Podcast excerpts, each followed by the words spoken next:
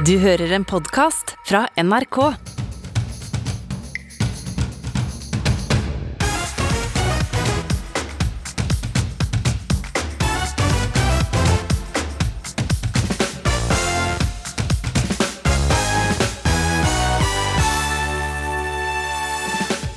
For noen barn blir skolen et så vanskelig sted å være at de blir syke av det.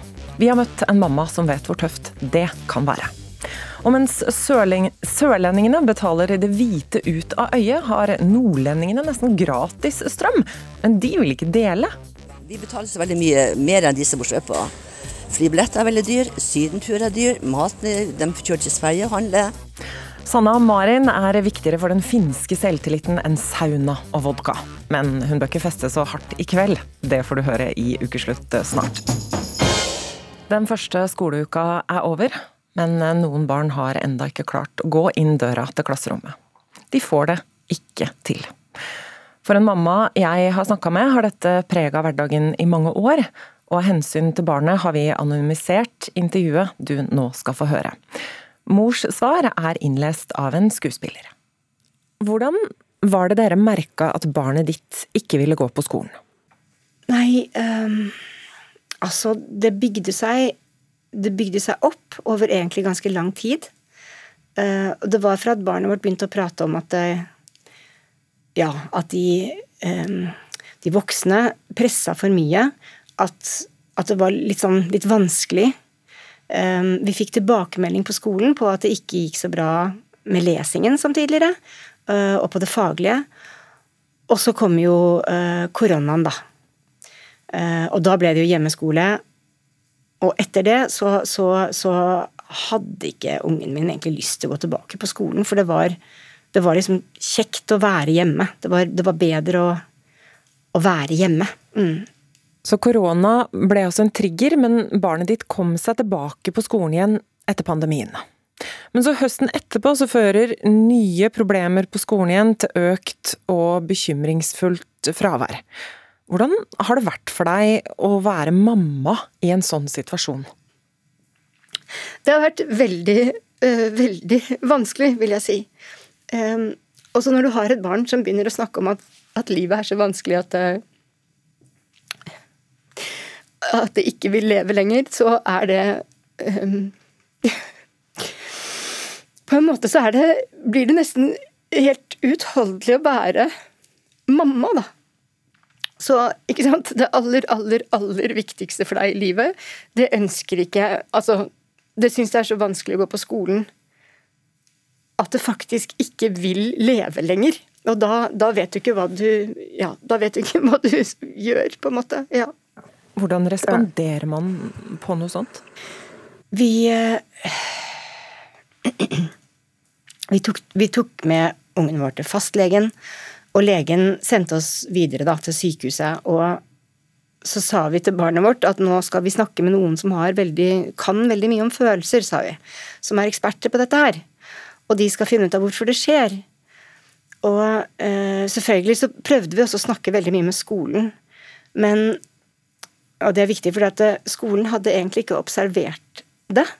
Så de skjønte ikke hva vi prøvde å fortelle dem, og de syntes vel bare at barnet vårt var veldig sensitivt, egentlig. Så det var, det var veldig vanskelig for dem å, å, å skjønne og ta inn over seg hvorfor, hvorfor, ungen min følte seg mobba, og hvorfor det føltes vanskelig å gå på skolen. Mm. Tror du barnet ditt da oppførte seg annerledes hjemme enn på skolen? Ja. Ja. Det er jeg helt sikker på. Det eh, Ungen min rett og slett maskerte så godt det kunne hvordan, hvordan den hadde det og følte det, og, og, så tok den det ut hjemme. Det er ikke noe tvil om det på oss som de var trygge på. Man blir jo råda noen eh, foreldre i sånne situasjoner til å sende de på skolen og utøve mildt press. Eh, prøvde dere det? Vi gjorde det, for det var, det var det var også de rådene vi fikk da, fra både skole og fra pedagogisk psykologisk tjeneste, og det Det gjorde vi. Vi gjorde det også, jeg, og jeg Jeg angrer.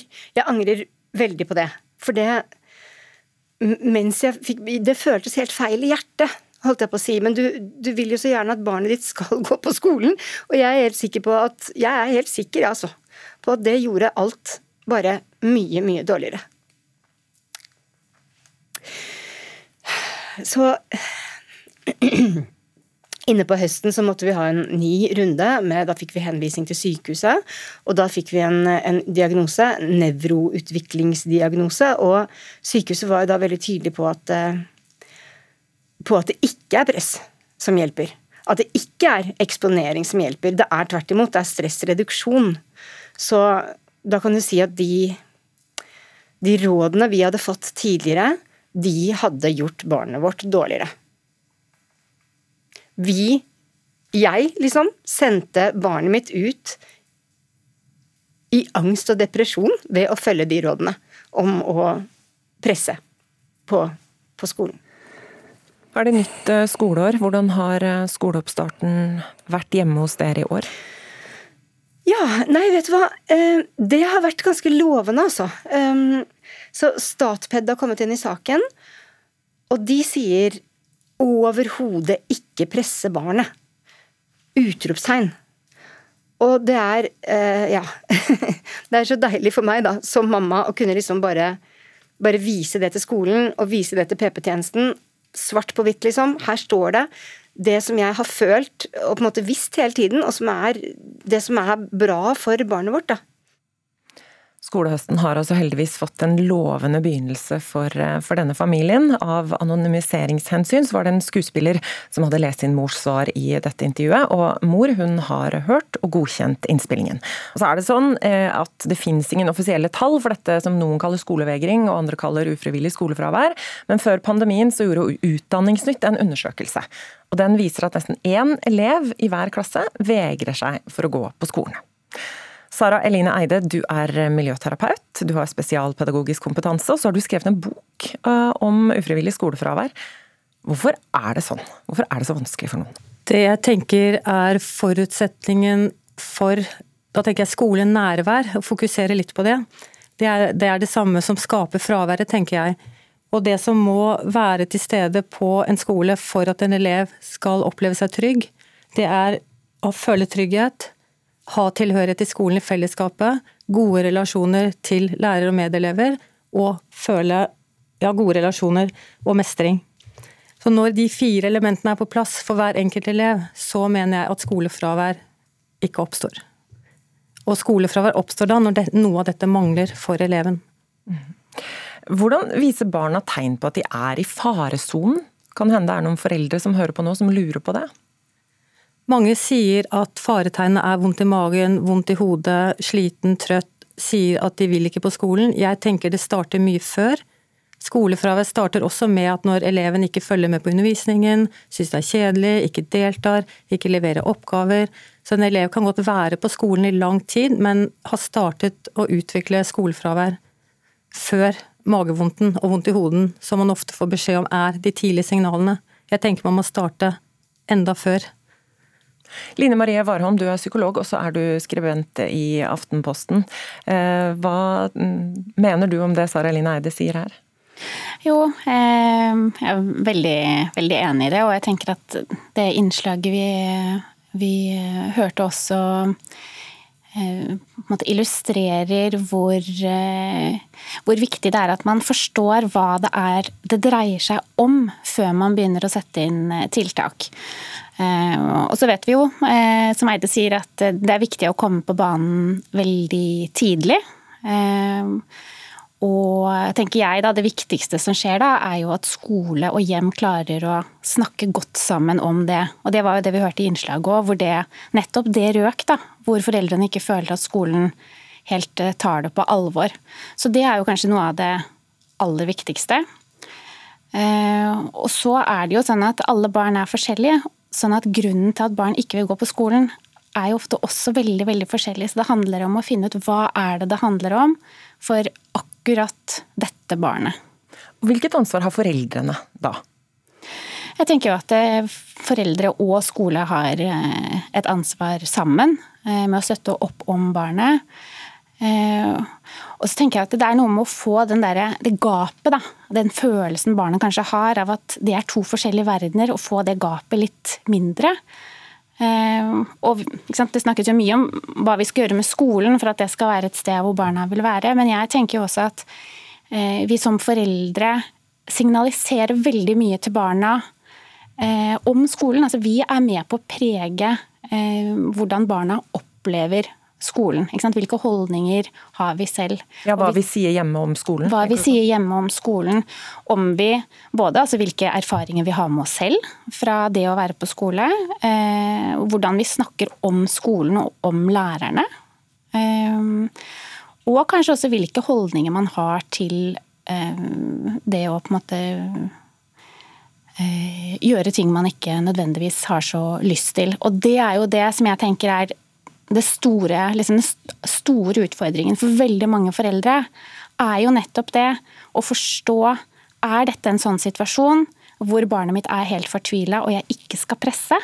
Eh, eller eh, er dette en situasjon hvor Eller er dette en anledning for meg til å lære barnet mitt noe om å håndtere følelser, eh, og likevel kanskje klare å gjøre ting man ikke har lyst til, da. Mm. Det er jo ulike typer fravær her, som, som du nå var innom, Warholm. Og, og, som vi også hørte denne moren fortelle om. Da, det handlet om et barn med nevroutviklingsforstyrrelser. altså Da er det ADHD, Tourettes, autisme. Og de er overrepresenterte i skolefraværsstatistikken. Hva går samfunnet glipp av hvis ikke disse barna får god nok oppfølging og skolegang, Eide? Altså jeg vil ta litt tak i det som ble sagt eh, i forhold til foreldrerollen. For jeg tenker så lenge at vi har skolen som den samfunnsinstitusjonen hvor barn, eh, barna våre og ungene våre skal få utdanningsforløpet sitt, så er det skolens ansvar å ha den kompetansen eh, som skal til for å møte alle barn. For det er ikke sånn at det bare er barn uten nevroutviklingsforstyrrelser, diagnoser, som skal ha plass i skolen. Alle skal ha plass i skolen. Og da mener jeg at den og jeg tenker Hvis mitt barn kommer hjem, var glad, fornøyd hatt det bra på skolen, så snakker jo ikke jeg ned skolen. Jeg tror ingen foreldre snakker ned skolen, men når eleven eller barnet deres kommer hjem og har opplevd eh, mobbing, opplevd eh, manglende mestring, opplevd manglende trygghet, så skal ikke jeg snakke frem skolen. Da skal jeg ta barnet på alvor, melde fra til skolen, og så må man starte dette samarbeidet. Men jeg vil løfte det med klassemiljø, skolekultur, som mye av årsaken til at fraværet gjøres individuelt. Har man en god skolekultur, godt klassemiljø, et godt verdigrunnlag i hele skolesystemet, så tenker jeg at skolefravær ikke kommer til å være så omfattende. Så kan det være situasjoner elever ikke mestrer, men da har man en god dialog, da har man en prosess som man da kan ta tak i og justere, men da blir det ikke den, det store gapet da, som, som Warholm beskriver i forhold til skole-hjem. Så jeg vil starte et helt annet sted. Det var det vi rakk om ufrivillig skolefravær i denne omgang. Sara Eline Eide og Line Marie Warholm, tusen takk for at dere kom til ukeslutt.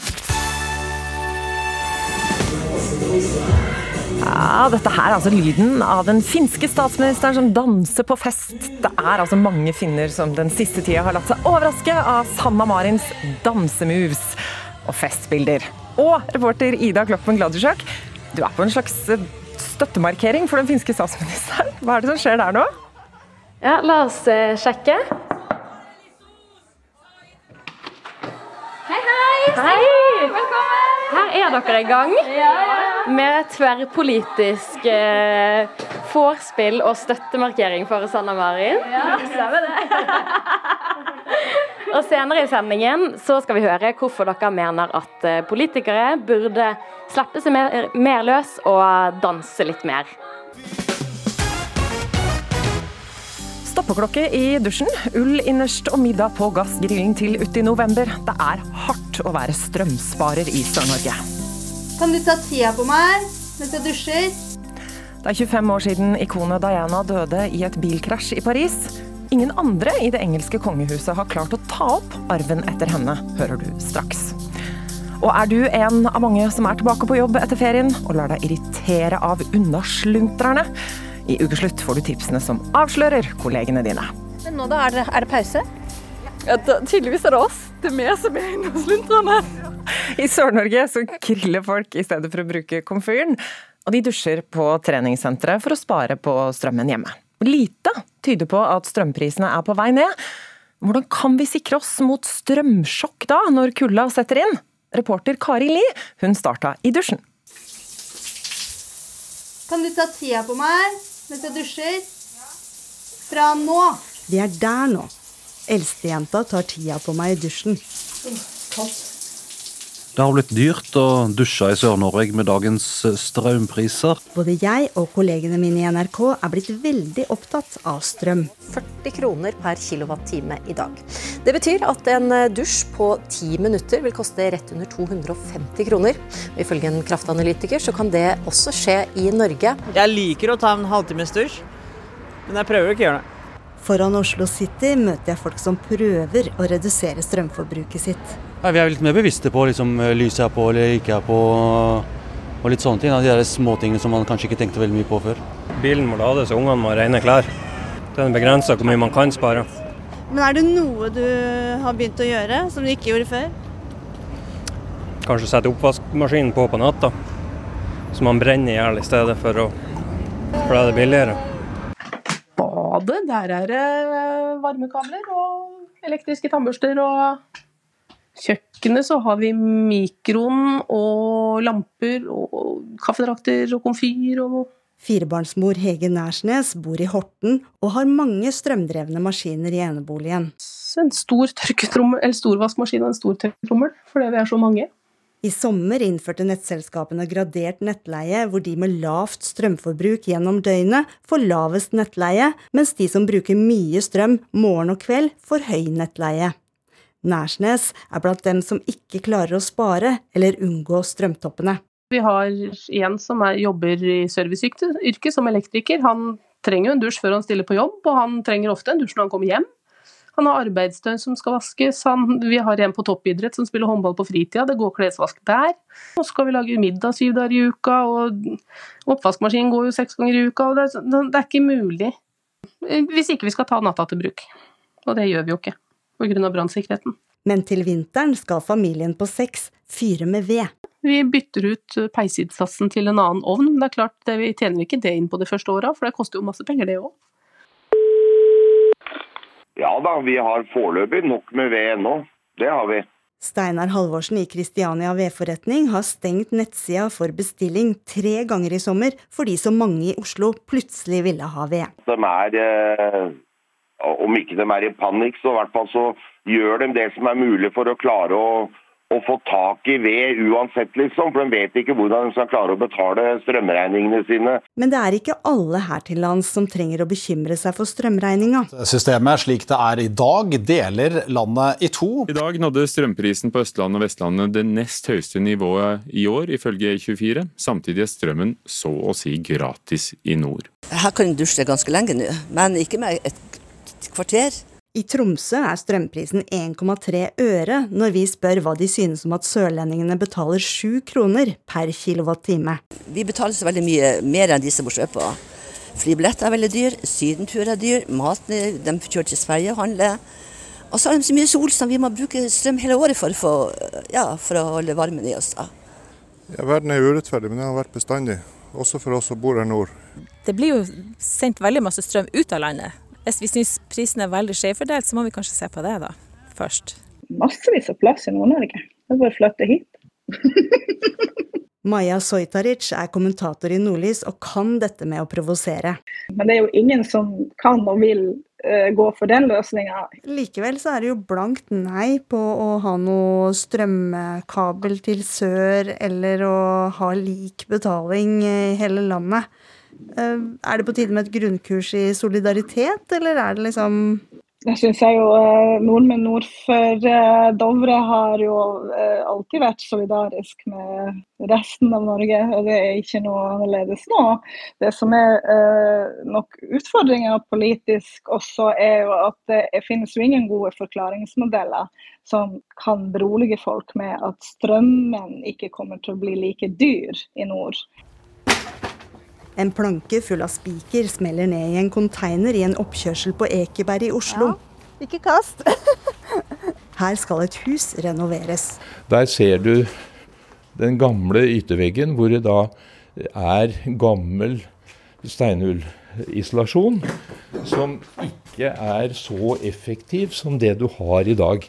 Ingeniør Per Christian Løken er 79 år, men den Enova-godkjente rådgiveren er så etterspurt at han ikke har tid til å være pensjonist. Skjer oppussingen i tråd med Enovas regler, lønner det seg for huseieren. 100 000 eller 125 000, eller 150 000 kroner. Den støtten er bare en brøkdel av det det faktisk koster, eller? Ja, ja, ja, ja, ja. Dette er et millionprosjekt. Det er ikke alle som har penger til å investere i en totalrenovering av huset sitt. Hva skal de gjøre? Det beste er vel kanskje å senke temperaturen, innetemperaturen. Droppe å bruke håndvask til oppvasken. Bruk heller oppvaskmaskin, for den bruker da mindre eh, varmt vann. En familie i et rekkehus hadde satt opp en sånn eggekoketimer. Sånn at du får tre minutter eller fire minutter til, eh, til dusjen. Det dresserer. Men hvor dresserte er vi hjemme hos oss? Mannen dusjer i Ett og et halvt minutt. Mens minsta dusjer i Fem til ti minutter. Uh, Ti minutter? Vet du hvor mye det koster nå? I 150. Nei, heldigvis ikke. 75. Nei, kanskje en, 25. kanskje en 50-lapp. Ja, men da får du en ren, eh, et rent barn, da. Litt verdt det. Og hva med min dusjing på tid? Nå har det gått fire minutter. Kanskje ta tre neste gang, da? Det var kollega Kari Li og hennes gulne rene familie i uh, Ukeslutt. Prinsesse Diana ble drept i en bilulykke i Paris i morges. Også hennes nære venn Prinsesse Diana har mistet livet i en bilulykke i Paris. Det er eh, snart 25 år siden verden stoppa opp, og Diana, prinsessen av Wales, døde i et bilkrasj i Paris. Og vi skal til London, vi, og London-korrespondent Gry Blekastad Almås. Hvordan preger dette mediebildet i England om dagen, Gry? Hei. Nei, ikke veldig egentlig. Foreløpig. Nå er det jo noen dager igjen til selve årsdagen. Den er på onsdag. Men eh, et par nye dokumentarserier har skapt en del diskusjon. Det er bl.a. en eh, på Channel 4 som, som, går igjennom granskningene av dødsfallet, og som hadde som hensikt å avlive konspirasjonsteoriene om at hun ble drept, at det ikke var en, en ulykke. Eh, men det ble jo konklusjonen både til den franske og den britiske eh, granskningen. Eh, og denne dokumentarserien går da gjennom eh, disse granskningene. Men, men, disse konspirasjonsteoriene har på en måte fått et nytt liv og florerer i sosiale medier igjen. Nå da også folk jeg møter og, og snakker med eh, om Diana. Eh, enkelte eh, tror fortsatt på at hun ble drept, at det ikke var en ulykke, selv om, selv om både denne dokumentaren og disse granskningene viste nettopp det. Skal dagen markeres på noen måte, eller? Nei, altså Slottet har ikke varslet noen offisiell markering eh, på onsdag, når det altså er 25 år siden Diana døde. Det er ventet at sønnene hennes kommer med eh, hver sin uttalelse, men ellers er det ingenting som er planlagt eller, eller varslet. Men private markeringer eh, vil jo kunne forekomme, selvfølgelig. Hvilket forhold har eh, britene til prinsessen av Wales i dag, da? Ja, det er mange som har et veldig sterkt forhold til henne fremdeles. Alle husker hvor de var den dagen for 25 år siden og bærer med seg den samme følelsen av sjokk. Eh, og de mener jo at hun fortsatt har en betydning for, eh, for samfunnet her og, for kongehuset. At hun var med på å endre det med sin menneskelige og nære måte å forholde seg til andre, andre folk på. Og Apropos det å endre relasjoner, har hun endra pressen i Storbritannia på noen måte? Det som skjedde den gangen? Ja, ja, ehm, jeg snakket med en eh, pressefotograf som også var i gamet for 25 år siden ehm, i går. Og, han var jo hellig overbevist om at hun har endra forholdet mellom presse og kongehuset eh, fullstendig. Det begynte jo med en ny eh, respekt for at man ikke skulle ta paparazzi-bilder av sønnene hennes etter hennes død. Og det var jo selvfølgelig fordi denne bilulykken skjedde mens paparazzi-fotografer jaktet på bilder av av Diana. Eh, så, eh, så, det begynte med det, men så mener han da at det har utviklet seg til et usunt forhold der Slottet nå har liksom all kontroll på hva slags bilder man kan få tatt av de kongelige og osv., og, og at det har svekket pressens evne til å se kongehuset i, i kortene. Så han mener at forholdet har endret seg totalt, og det, det var jo ille den gang, selv om Diana selv skal ha tipset avisene og enkelte journalister og fotografer om hvor hun var, fordi hun ønsket at de skulle ta bilde av henne uh, i hennes måte å, uh, å si, bygge opp en image på etter at uh, hun brøt med, eller at bruddet med Charles var et faktum. og at hun således selv også har en slags, eller hadde da en slags rolle i at det ble såpass mye som det ble, så, så var jo pressen grov i måten de fant på ting og fant opp historier om henne for å selge flest mulig aviser. Og det har nok forhåpentligvis endret seg til det bedre. Tusen takk, London-korrespondent Gry Blekastad Almås. Og vi kommer jo ikke utenom, utenom denne låten her fra Elton John når vi snakker om Diana.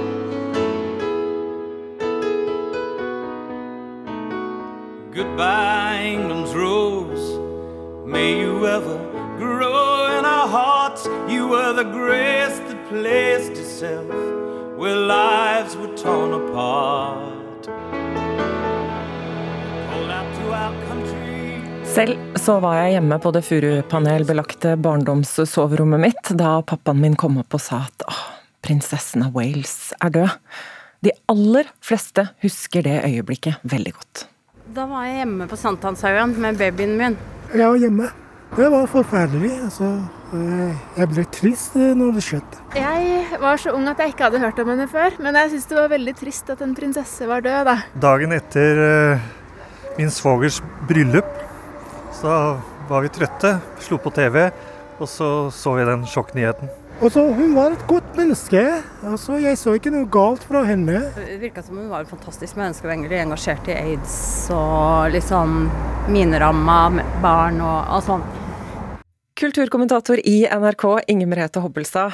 Hvor var du da du hørte om Diana og Dodi og bilkrasj i Paris? Du, I likhet med veldig mange så husker jeg det ekstremt godt. Jeg var 16 år gammel og jeg var hjemme i stua på eh, barndomshjemmet mitt i Hokksund og skrudde på tekst-TV av alle ting. Og der var selvfølgelig den øverste overskriften at prinsesse Diana var død. Husker bare at jeg ropte 'mamma, mamma, prinsesse Diana var død', og at moren min liksom kom stormende ut fra kjøkkenet. Er det derfor også vi snakker om det, og det lages filmer og serier og dokumentarer om det 25 år etterpå? Ja, altså alltid når noe vekk, eller noen vekker så sterke følelser, så er det jo interessant, ikke sant? Hva er det for en streng inni oss som disse skikkelsene eh, slår på? Eh, og det som var med prinsesse Diana, altså jeg tror vi skal huske på det at hun, da hun døde for 25 år siden og Storbritannia gikk av skaftet i dagene som fulgte, altså det var jo ingen andre nyheter som betydde noe, ikke sant, folk gråt åpenlyst på gaten, så har det også med å gjøre at, at dette var en tid der det ikke var så mange globale kjendiser, ikke sant, og der man kunne knytte seg veldig sterkt til de få som var, var virkelig store skikkelser på den internasjonale, internasjonale arenaen. Men så var det også det at, at Diana hadde jo eh, levd i dette ulykkelige ekteskapet, i en institusjon, kongehuset, der hun ikke følte seg hjemme. Og så hadde hun i større og større grad begynt å snakke om dette. Eh, snakke om sine egne eh, spiseforstyrrelser, om sin egen selvforakt, om følelsen av avmakt i et ekteskap der du ikke var elsket og der det ikke var noen vei ut. Der man ikke føler seg verdsatt eller respektert. Og du kan si at dette sto ikke høyt på noens agenda på, eh, rundt 80- og 90-tallet. ikke sant? Ingen snakket om spiseforstyrrelser. Eh, så her satt det store publikumskarer, og kanskje først og fremst kvinner, som følte at her blir mitt indre, mine hemmeligheter, mine mest skamfulle erfaringer, de blir satt ord på. Og ikke bare blir de satt ord på, de som beskriver dem, det er verdens mest berømte glamorøse kvinne. Hun sier at jeg er som dere, dere er som meg, jeg strever med de samme tingene. Apropos dette med å være relaterbar og det å resonnere i det å være ung kvinne, hva har arven etter Diana gjort med de nye kvinnelige medlemmene i eh, det engelske kongehuset? Altså Hun har forandret uh, det britiske kongehuset sånn uh, i det store og det hele, og det er det ikke sikkert de er sånn De vil si det offentlig, men noe du sa så etter at prinsesse Diana døde, det var at du begynte å mykne opp dronningens image, f.eks. Uh, altså hvis, hvis dronningen besøkte en skole tidligere, så ville hun kanskje stått i døren og vinket litt sånn forsiktig og fornemt, men nå går hun inn i klasserommet og setter seg ned med elevene, og alt dette er jo fordi uh, de som jobbet ved hoffet, følte etter denne stød at nå må vi faktisk gjøre noe, vi kan ikke gå tilbake og være kongelige på på den gamle måten. Eh, det fungerer ikke lenger. Men noe av det som jeg syns er litt interessant, er at det er ingen åpenbar Diana der nå. Eh, det du kan se er at sønnene hennes og, og eh, hertuginnen av Cambridge, altså den tidligere Kate Middleton, de har jo på en måte snakket om, åpent om at de er opptatt av mental helse, har veldedighetsorganisasjoner som jobber med disse problemstillingene. Men Kate selv er jo nesten det motsatte av hva Diana var. Altså Hun er jo ekstremt kontrollert. Hun trår ikke ti centimeter feil, ikke sant. Du vet ikke mye om hva hun føler og tenker. Du visste alt om hva Diana følte og tenkte, ikke sant. Hun, hun var jo eh, helt åpen, åpen sånn sett. Meghan, da? Så eh, Meghan har også en litt annen rolle, for du ser også på begge disse to svigerdøtrene, da, som hun aldri eh, rakk å møte, eh, så ser du at dette er veldig sånn selvsikre, ganske strategiske Eh, kvinner. De var godt voksne da de giftet seg inn i kongefamilien. Altså Diana var 19 år. Hun var pur ung eh, og veldig veldig utsatt og sårbar på en måte du, jeg ikke tenker at disse to kvinnene var, de fremstår så mye mer robuste begge to idet de gifter seg. Men det du kan se er at Meghan, som også kom utenfra, er jo blitt mye mer av en rebell, ikke sant.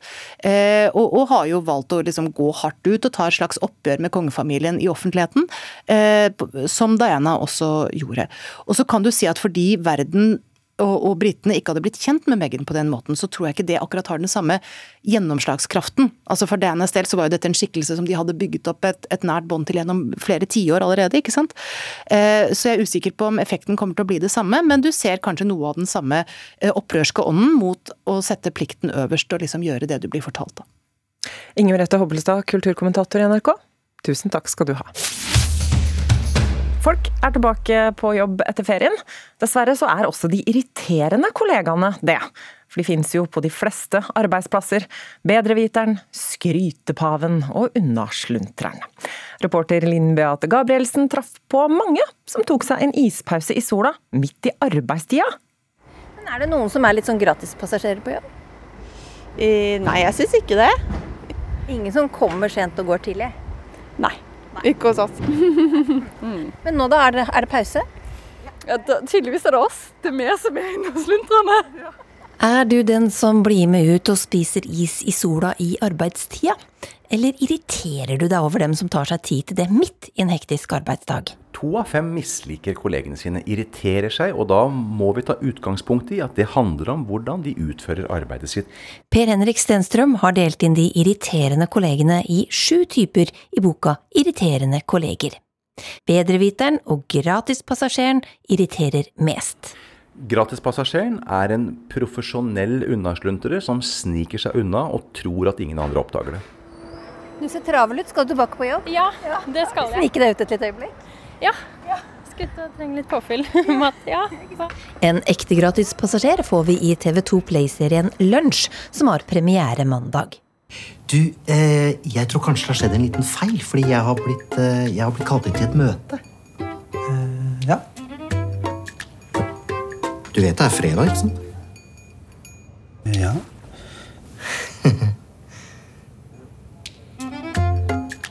da ses vi. Ja, ja.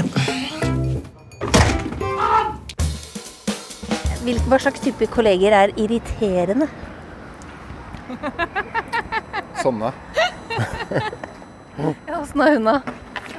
Mm, overenergisk og positiv hele tiden. mm, hvis folk kanskje smatter eller spiser ting som lager lyd, da kan det irritere meg.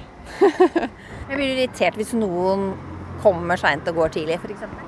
Det er ingen som ser når de kommer, men alle ser når de går. Og det er et poeng. Men vet gratispassasjeren at han er nettopp det? Ja, det tror jeg. Eh, jeg tror definitivt at de er eh, klar over det. For det, dette er folk som er smarte. Eh, og jeg måtte jo finne en gratispassasjer da jeg holdt på med denne boka. Jeg fant en, og han delte tre triks. Da skal jeg være forsiktig med å dele det som arbeidsgiver. Men da er det i hvert fall avslørt. Men det ene trikset var å ha med seg en ekstra ytterjakke på jobben. Så han hang opp en ekstra ytterjakke på jobben når han gikk hjem tidlig. For da så det ut som han fortsatt var på jobb når kollegene var innom. Eller skru på radioen, som er i og for seg et godt forslag, selvfølgelig. Men da virker det som du er på jobben hele tida. Eh, det beste trikset er å dra hjem så tidlig at ingen mistenker deg at det er for å dra hjem. For to er litt sånn eh, hytta. Eh, mens tolv, da tenker folk har ikke dratt hjem så tidlig, jeg er sikkert i et møte. Jo da, har dratt hjem for lengst. So, you are thinking about quiet quitting your job.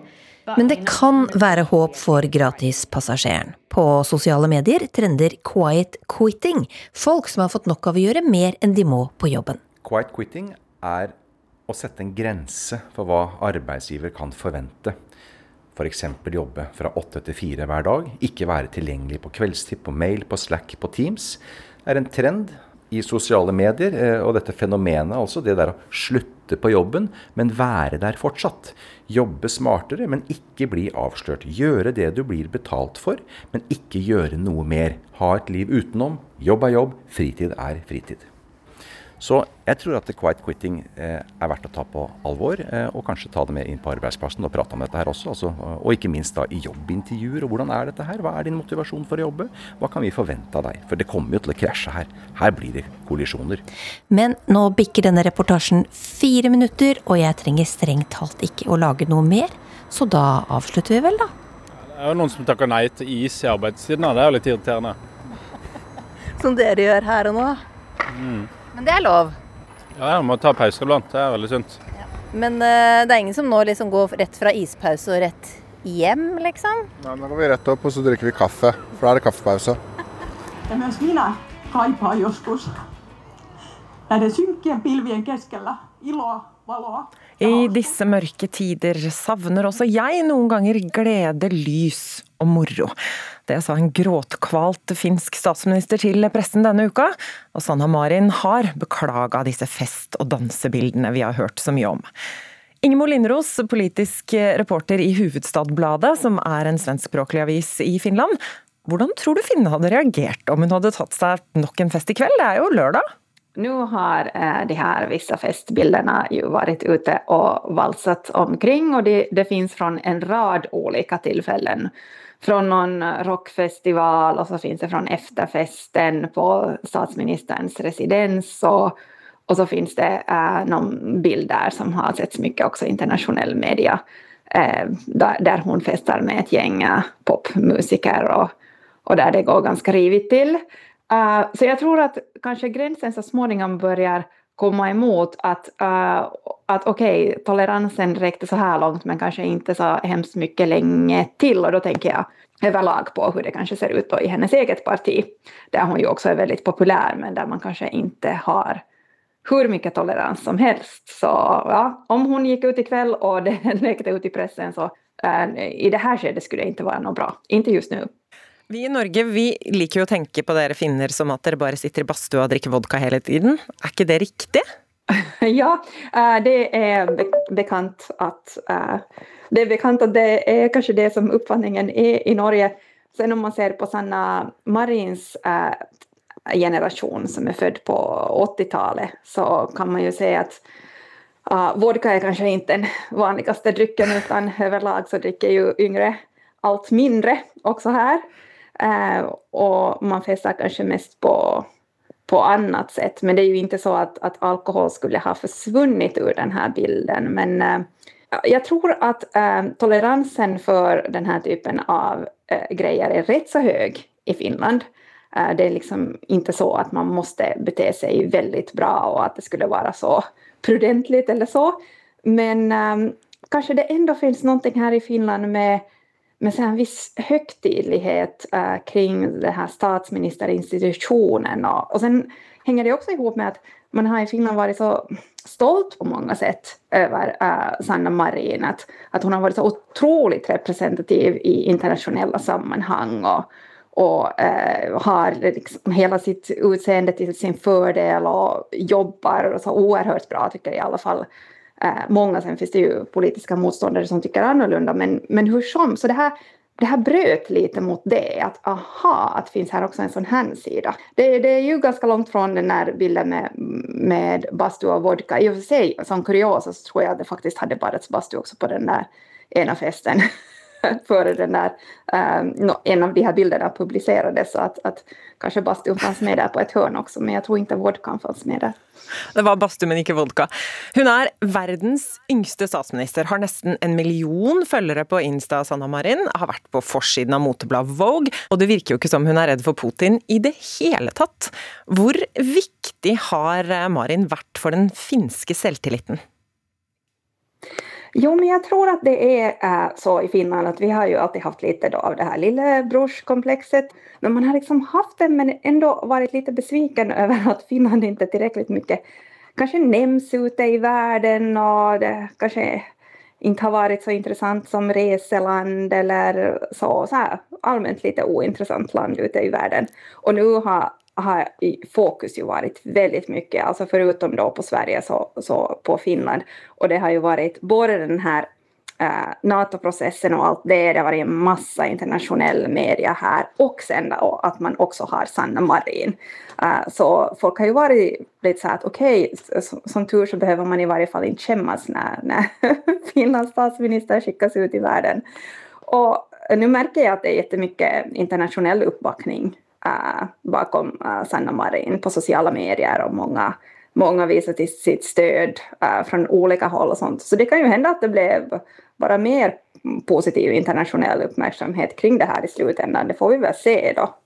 Tusen takk eh, til deg, Ingemo Lindros, politisk reporter i Huvudstadsbladet. I kveld går de altså på scenen i Spektrum for tiende dag på rad.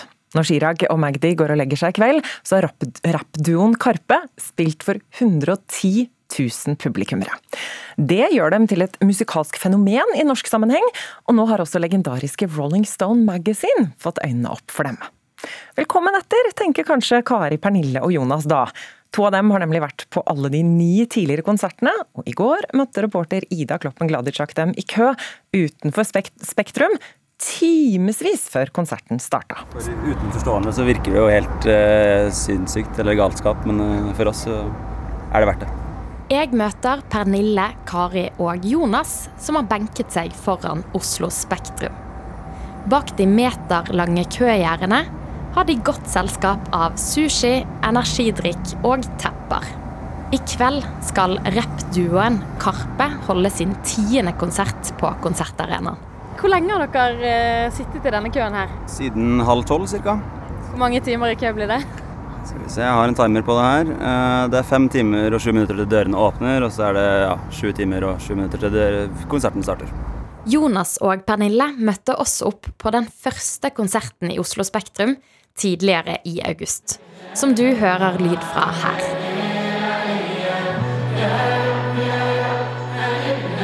Når lørdagen er over, har Jonas og Pernille vært på ti av ti konserter.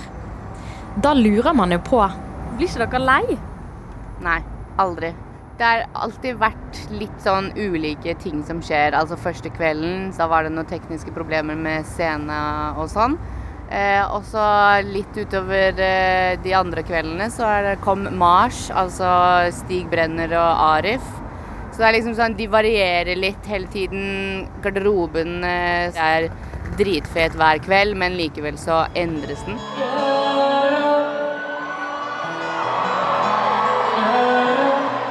Det er ikke bare den norske fansen som har latt seg fascinere av Karpe.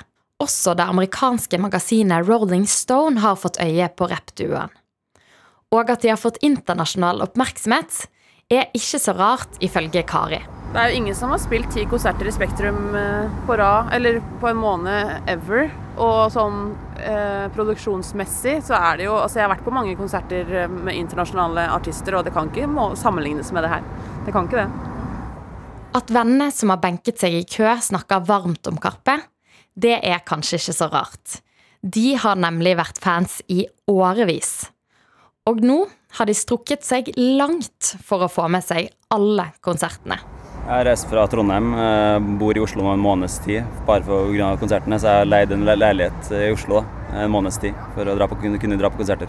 Hva den totale prislappen kommer på etter ti Karpe-konserter i Oslo Spektrum, det vil Pernille helst slippe å tenke på. Bare billettene har hun betalt godt over 10 000 kroner for. Og så er det jo da reise til og fra. Eh, Stavanger, eh, Oslo og hotell, mat, kølivet som vi holder på med nå. Og merchen. Du har sikkert brukt 30 000 du, Pernille. Ja, minst. Sikkert mer, egentlig. Men jeg tør ikke å regne det ut, egentlig.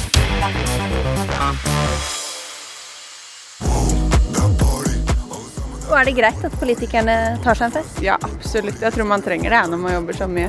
Får litt utløp. Ja. Syns du politikere fester nok? Ja, gjør de ikke det? Eh, Jeg regner med at de gjør det. Det virker i hvert fall sånn. Gjennom et år så er det jo skikkelig lang ferie. De fester nok mye da. Så jeg tror de fester masse. Men eh, hadde du likt å sett en norsk politiker i en sånn video?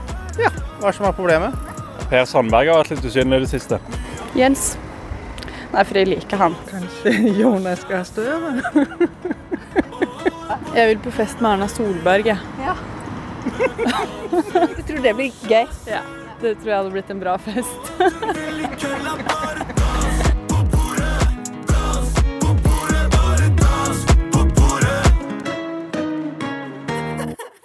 Som vi hørte tidligere i sendinga, så har Finlands statsminister Sanna Marin vært i hardt vær i det siste pga. noen festvideoer og bilder av henne som har florert. Vår kollega Ida Kloppen Gladisjok er hjemme hos sentralstyremedlem i Unge Høyre, Tonje Nilsen, på et tverrpolitisk jenteforspill. Og der markeres det støtte til Sanna Marin. Er de unge norske politikerne glad i en god fest, Ida? Ja, de er glad i en god fest. Og jeg sitter her også med Thea Line Myhr fra KrFU og Julie Eikeland. Eh, og denne uken har det jo vært eh, mye støy rundt Sanna Marin etter eh, festvideoene som har florert. Hva tenker du om det, Tonje? Jeg tenker at uh, Sanna Marin er litt sånn som alle oss andre. Uh, har også behov for å ta seg en fest. Ikke sant? Hun er ung, hun er lovende. Og jeg syns det er bra når unge politikere tør å vise at de er nettopp det. At de er unge. Hvis ikke så tror jeg det er veldig, veldig vanskelig for større deler av befolkninga å kjenne seg igjen med de politikerne som vi har. Julie Eikeland i AUF. Eh, det, vi alle kan jo sikkert kjenne oss igjen i at man er litt bevisst på hva man legger ut i sosiale medier. Men passer du litt ekstra på? Jeg tror eh, som ungdomspolitiker så blir man eh, ekstra observant og man tenker ekstra på hva man legger ut. Og rett og slett òg, selv om på en måte man ikke har samme status som den finske statsministeren, så, så blir man jo òg paranoid for at noe skal skje, eller for at noen skal tolke noe i verste mening, eller at noe kan blusse opp og bli større. Så jeg tror som ungdomspolitiker så er vi alle ekstra observant. Og så tror jeg på en måte at det, det, til en viss grad selvfølgelig så har man et større ansvar når man er liksom en politiker og en offentlig person, men samtidig så mener jeg òg at man er nødt til å gi politikere litt mer rom til å være mennesker og gjøre ting som er hverdagslige. Og jeg håper jo òg i fremtiden at vi som er politikere kan bekymre oss litt mindre for hva vi legger ut. Mm. Er, er dere politikere blitt for prippende og fisefine, som Tonje Nilsen skriver i sin ytring på NRK? Ja, vi er kanskje det, tror jeg. Fordi at eller, det, er mye det er mye stivt, og det er mye glansbilder og oppstilte bilder på, på Facebook og sånn som er ute og, ute og går. Og jeg tror Jeg skjønner det, da, fordi man er redd for at, sånn som du sier, at ting skal blåse opp.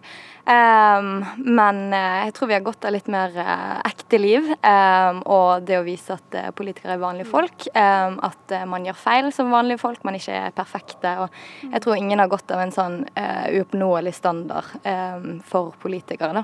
og det tror jeg òg kan hemme, hemme rekruttering og gjøre at folk er redd for å engasjere seg. Og ja, redd for å bli med i politikken fordi at man, man blir redd for feil, da. Å gjøre feil. Mm. Ja, er, det, er, det, lite rom for å trå feil i politikken? Jeg tror egentlig at det er det. Fallhøyden er veldig stor. Det skal veldig veldig lite til før, uh, før, folk blir redde for hva som skal havne på sosiale medier, på Instagram eller sånt av seg sjøl. Det tror jeg også har heva veldig terskelen for hva man tør sjøl å vise av seg sjøl. Er, sånn, er, det noe jeg savner i norsk politikk i dag, så er det politikere som tør å være seg sjøl.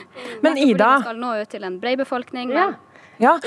Spørsmål fra studio her? Ja, jeg er veldig nysgjerrig. Hvis du nå skulle dratt i gang et skikkelig jenteforspill her, for det høres litt dødt ut foreløpig, hvordan ville disse jentene gjort det da? Ja, hvordan, hvordan skal vi dra i gang dette tverrpolitiske jenteforspillet? Hva er det som skal til?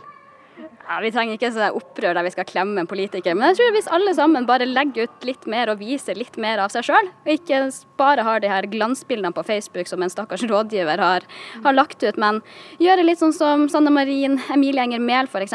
deltok på Kompani Lauritzen, la ut feriebilder av seg sjøl, og det er ting hun sannsynligvis ville lagt ut også som privatperson. Eh, så jeg tror at hvis alle bare viser, tør å vise litt mer av seg sjøl, og være egentlig seg sjøl for offentligheten, så tror jeg avstanden mellom eh, politikere og folk blir mye, mye mindre. Og vi på dette tverrpolitiske jenteforspillet kan i hvert fall eh, få i gang eh, musikk og litt dansing. Så har vi gjort vårt eh, bidrag, tenker jeg. Ja, Det er veldig bra. Tusen takk til kollega, kollega Ida Kloppen Gladisjak.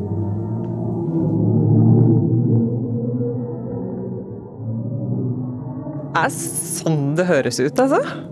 Lyden av det sorte hullet som ligger i sentrum av galaksehopen Persevs. Originaltonen den er visst ganske vanskelig for oss mennesker å oppfatte, så dette her er NASA som har remiksa lyden og gjort den hørbar for oss mennesker. Og aller først komponist og pianist Volkan Plagge. Er det bra musikk du hører her? ja, det er iallfall sfærenes musikk, om man kan bruke det ordet. Hvor bra det er, helt annen sak. Jeg tenker jo at eh, jeg hadde blitt veldig mye mer overraska hvis det hadde kommet f.eks. en Disney-låt ut av dette her.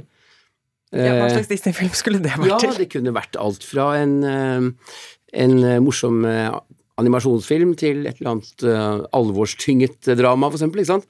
Men det er jo, med respekt å melde, ikke særlig overraskende, da. At det skulle komme den typen lyder ut av et svart hull, i den grad i det hele tatt kan komme lyder ut av et svart hull. Forstår du at folk syns det er litt skummelt? Nei. Jeg syns det er faktisk veldig morsomt. Og jeg syns også det er litt morsomt fordi um, vi så lett lar oss uh, manipulere i forhold til noe vi venter. Jeg hører folk som hører alle mulige ting. Noen har hørt eller sett helvete, helvete åpne seg.